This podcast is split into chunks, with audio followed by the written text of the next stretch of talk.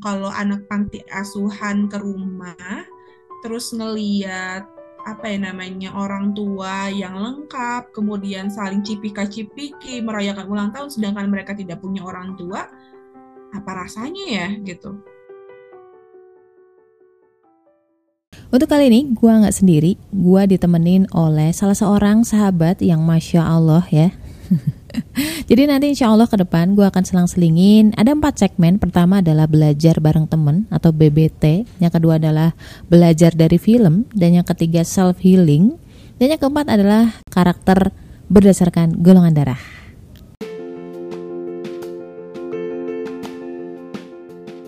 Assalamualaikum warahmatullahi wabarakatuh. Kenalin aku Ria Marliana Teman healing kamu di podcast Self Healing Yang akan ngobrol tentang banyak hal Berdamai dengan luka melalui psikologi Islam, Quran dan juga hadis.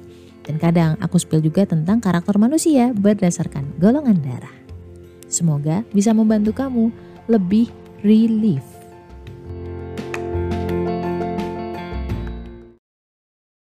Jadi teman-teman dari ya sekali lagi salam kenal gitu ya. Senang sekali. Saya Farhana Fitria, akrabnya dipanggil Hana. Kalau di yayasan sering juga dipanggil Bunda Hana. Hmm. Uh, saat ini saya menjabat sebagai managing director sekaligus juga founder dari Yayasan Teman Saling Berbagi. Sebagai founder dari YTSB nih, YTSB itu sendiri buat Hana itu apa sih? Ngomongin historisnya dulu ya. Jadi dari kecil tuh sampai umur 17 tahun, kalau ulang tahun itu nggak pernah nggak dirayain. Hmm. Selalu berarti dirayain kan? Uh. Dan kalau dirayain itu selalu mengundang anak panti asuhan ke rumah atau ke tempat acara ulang tahun. Oh iya iya iya. Salah satu faktor yang bikin berhenti tidak dirayakan lagi adalah karena waktu umur 17 tahun ngelihat salah satu anak panti masih SD kayaknya dia waktu itu.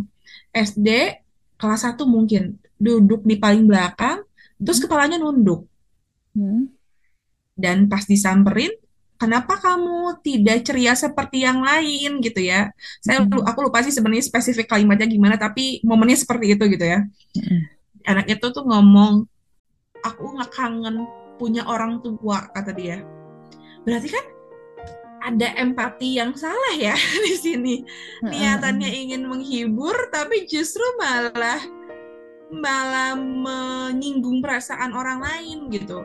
Akhirnya mulai terbayang kalau anak panti asuhan ke rumah terus ngeliat apa ya namanya orang tua yang lengkap, kemudian saling cipika-cipiki merayakan ulang tahun sedangkan mereka tidak punya orang tua, apa rasanya ya gitu. Waktu itu mikirnya gitu umur 17 tahun. Bilanglah ke ayah yang menyuruh aku berhenti baca buku fiksi itu ya. Hmm. Bilanglah ke beliau, udah deh jangan dirayain lagi ulang tahun sama anak yatim, aku nggak tega gitu Hmm. Akhirnya setelah itu umur 18 sampai 20 gitu ya, uh, kalau ulang tahun akhirnya dititipin aja makanan, sembako, terus aku yang ke panti gitu. Hmm. Ngeliatlah gimana mereka hidup di panti perbandingan dengan mereka datang ke tempat acara. Nah, itu ya gimana tuh? Ngerasanya adalah mereka lebih hidup ketika kita datang ke panti. Hmm, ya ya ya ya. ya. Datang ke acara tuh kayak jadi SOP, standar operating procedure banget pakai pakaian, udah tahu gimmick ngomongnya seperti apa. Tapi tidak bisa menutup kemungkinan juga dan tidak bisa dipungkiri bahwa itu adalah salah satu salah satu jalan yang mereka pilih untuk mendapatkan nafkah kan. Betul, betul, betul. Kita nggak bisa merubah itu dalam sekejap. Oke, ini nggak boleh gitu ya pengurus panti kita nggak bisa gitu juga kan gitu. Benar, benar. Cara yang paling kita bisa kontrol adalah ya kita datang aja gitu kan datang lah akhirnya dan ngerasa mulai mereka hidup. Setelah umur 20 tahun eh, nggak uh, ada perayaan yang spesifik lagi. Lalu akhirnya waktu pas 2018 itu itu kan uh, periode udah lulus kuliah S1 kan sebenarnya. Mm -hmm. Langsung kepikiran kayaknya kalau bikin komunitas komunitas untuk anak panti asuhan aja.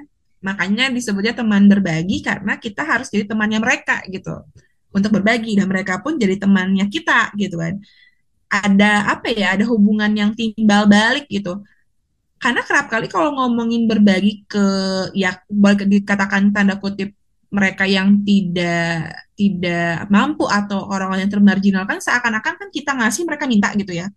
Mm-mm. Padahal pas kita ke panti gitu ya dengan kurikulum yang udah kita rancang sedemikian rupa sesuai dengan kebutuhan mereka, ada hubungan timbal balik yang itu nggak bisa diterjemahin pakai kata-kata gitu. Hmm. Kalau kita konteksnya berbagi yang memang sangat deep insight gitu ya, maksudnya dalam bentuk pembelajaran, pendampingan gitu. Yang dirasain adalah pas kita ngasih, mereka ngasih juga sesuatu ke kita. Yang mereka kasih adalah progres untuk jadi orang yang lebih baik.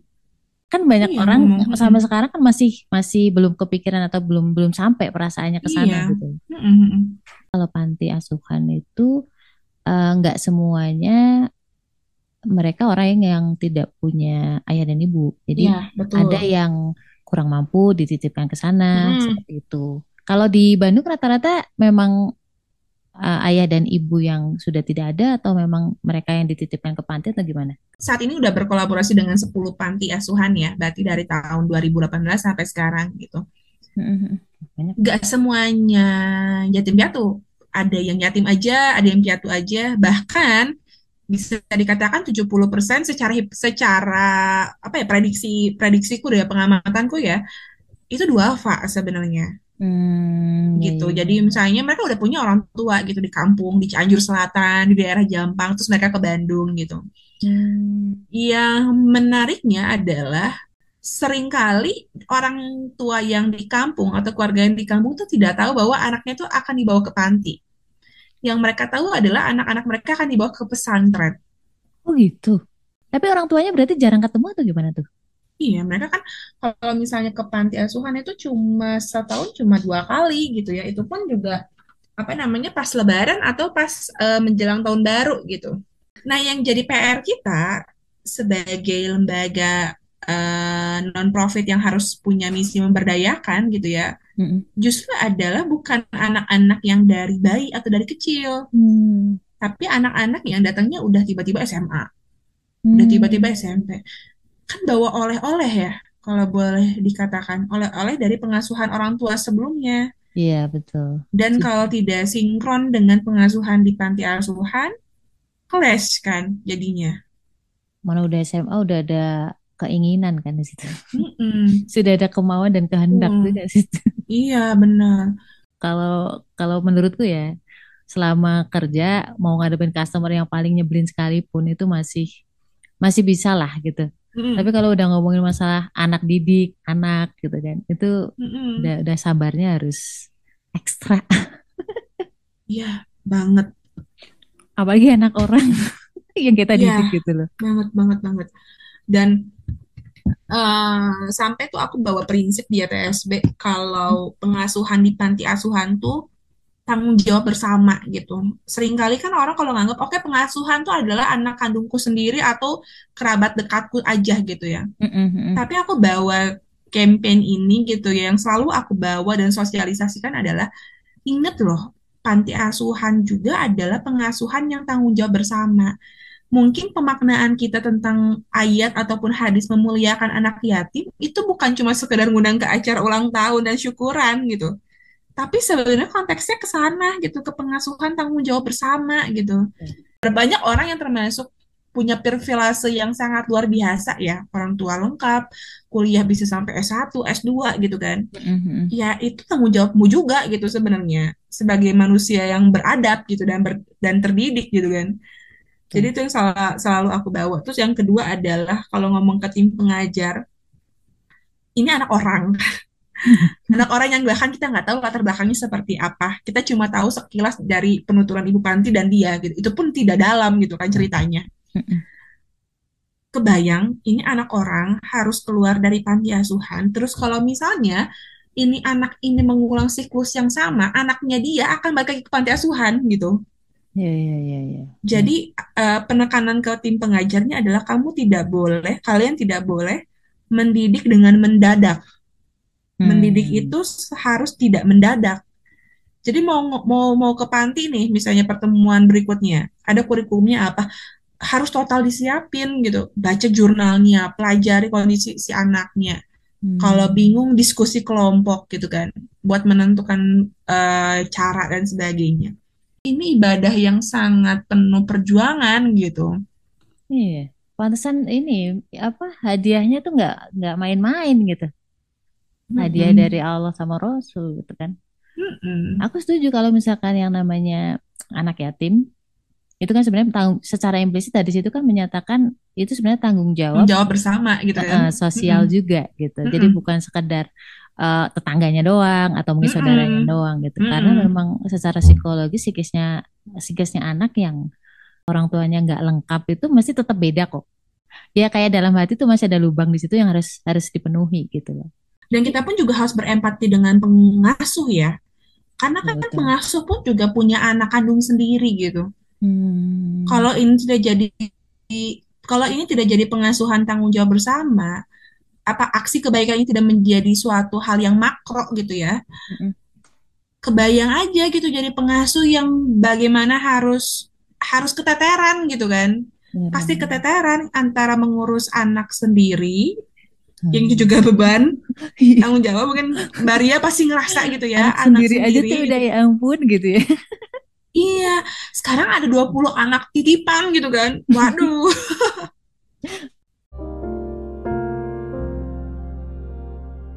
Ini cerita aja sih, maksudnya dulu aku pernah kan yang pas masih di Jakarta, aku pernah pelatihan di sana setahun. Jadi pernah mampir ke salah satu panti di Bogor.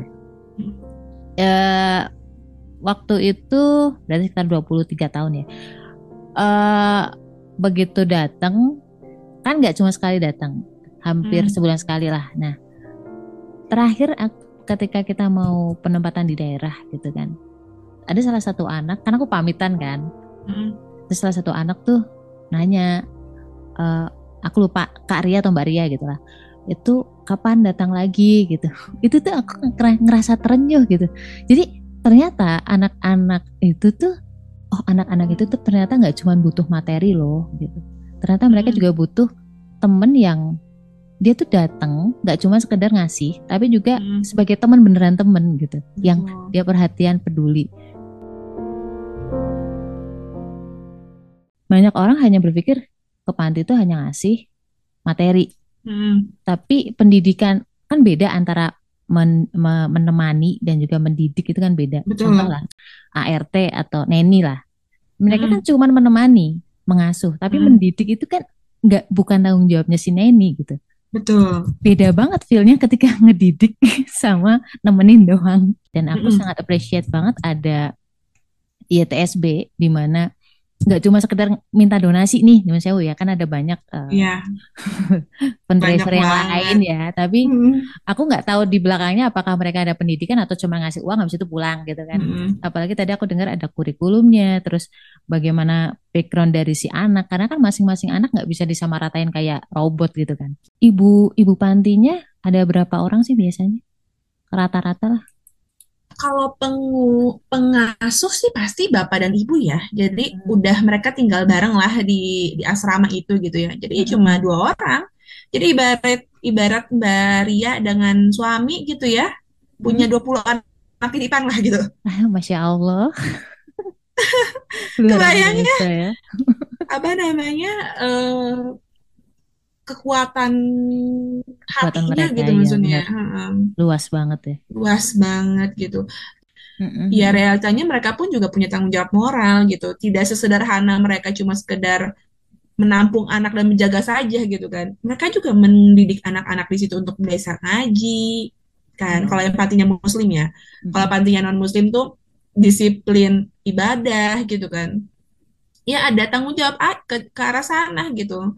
Jadi terlepas dari pengasuhan yang tidak sempurna dan sebagainya sampai saat ini aku merasa bahwa mereka ini punya hati yang luas benar kata Mbak Ria dan kekuatan hati sih. Dan itu setiap kecamatan tuh pasti ada banyak panti gitu. Dan anehnya si motor kita ini nggak pernah mau berhenti dan Belok. nggak mau Nah, cari tahu. fenomena Betul, maksudnya betul kita fenomena sering lihat banget. lihat itu ada keinginan iyalah kapan-kapan mampir, tapi sampai berapa tahun gitu nggak mampir-mampir gitu loh.